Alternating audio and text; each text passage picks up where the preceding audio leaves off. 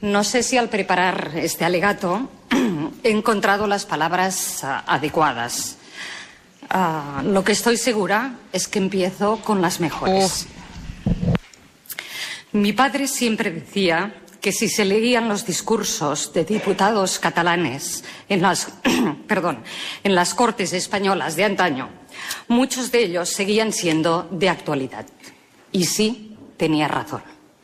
Y seguía es así porque a finales del siglo XIX el Renaixement cultural abrió el paso al nacimiento del catalanismo político, reivindicando antiguas libertades. Es a partir de entonces que el catalanismo político se articuló con partidos que proporcionaron las nuevas demandas de libertades del siglo XX. Creo que es ilustrativo el poema de Joan Maragall de finales del siglo XIX, su Oda a España, que da su visión de la realidad catalana con España. Este poema empieza con una demanda, una súplica. Escolta, Espanya, la veu d'un fill que parla en llengua no castellana. Y acaba, después de no sentirse escuchado, con un desencuentro. Adeu a España. Cataluña es una realidad histórica, mm, histórica, política, cultural y lingüística. Cataluña es una nación, una nación sin Estado que ha reivindicado su derecho a ser, a existir. Cuando ha habido democracia, se han buscado fórmulas para dar respuesta a esta realidad.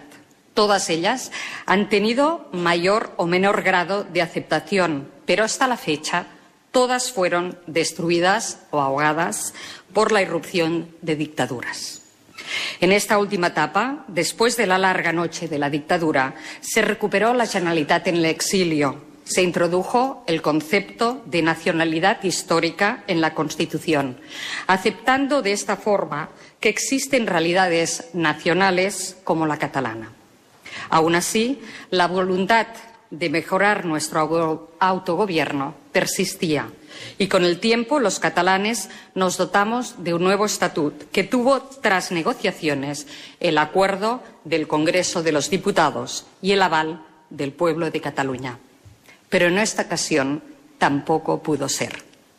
Y esto conllevó insatisfacción por millones de personas en Cataluña.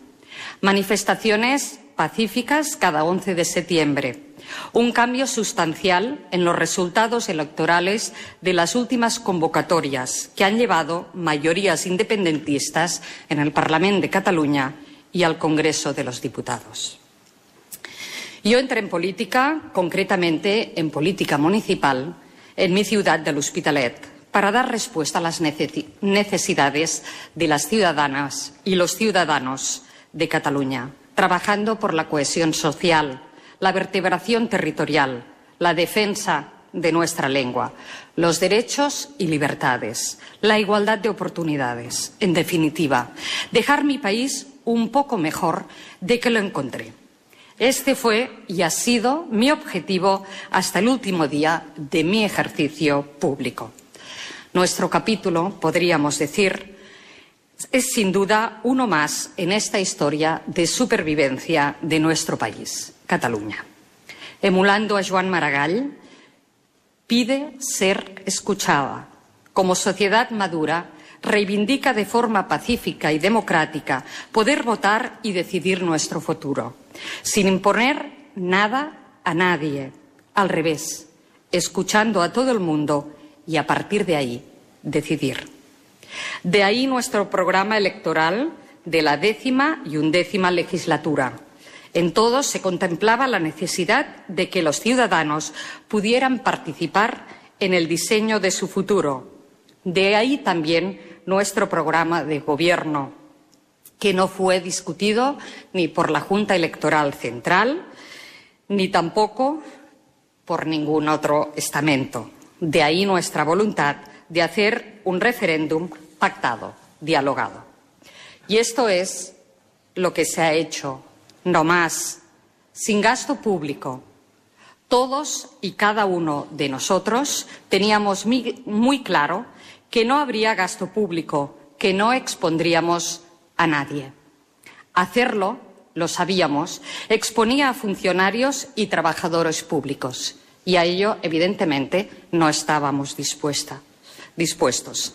Esta era mi firme voluntad y estoy segura que la de los otros miembros del Gobierno. Por otro lado, como ustedes saben, yo no estoy acusada de rebelión, pero yo estuve en Cataluña esas fechas, lógicamente. Y en Cataluña no hubo clima de violencia ni de insurrección. Bajo mi punto de vista, hay un conflicto político, que no es poco. Además, tengo y he tenido una gran relación con mis compañeros de gobierno y a ninguno de ellos se les pasó por la cabeza ni tan siquiera pensar en la utilización de la violencia para conseguir ningún objetivo.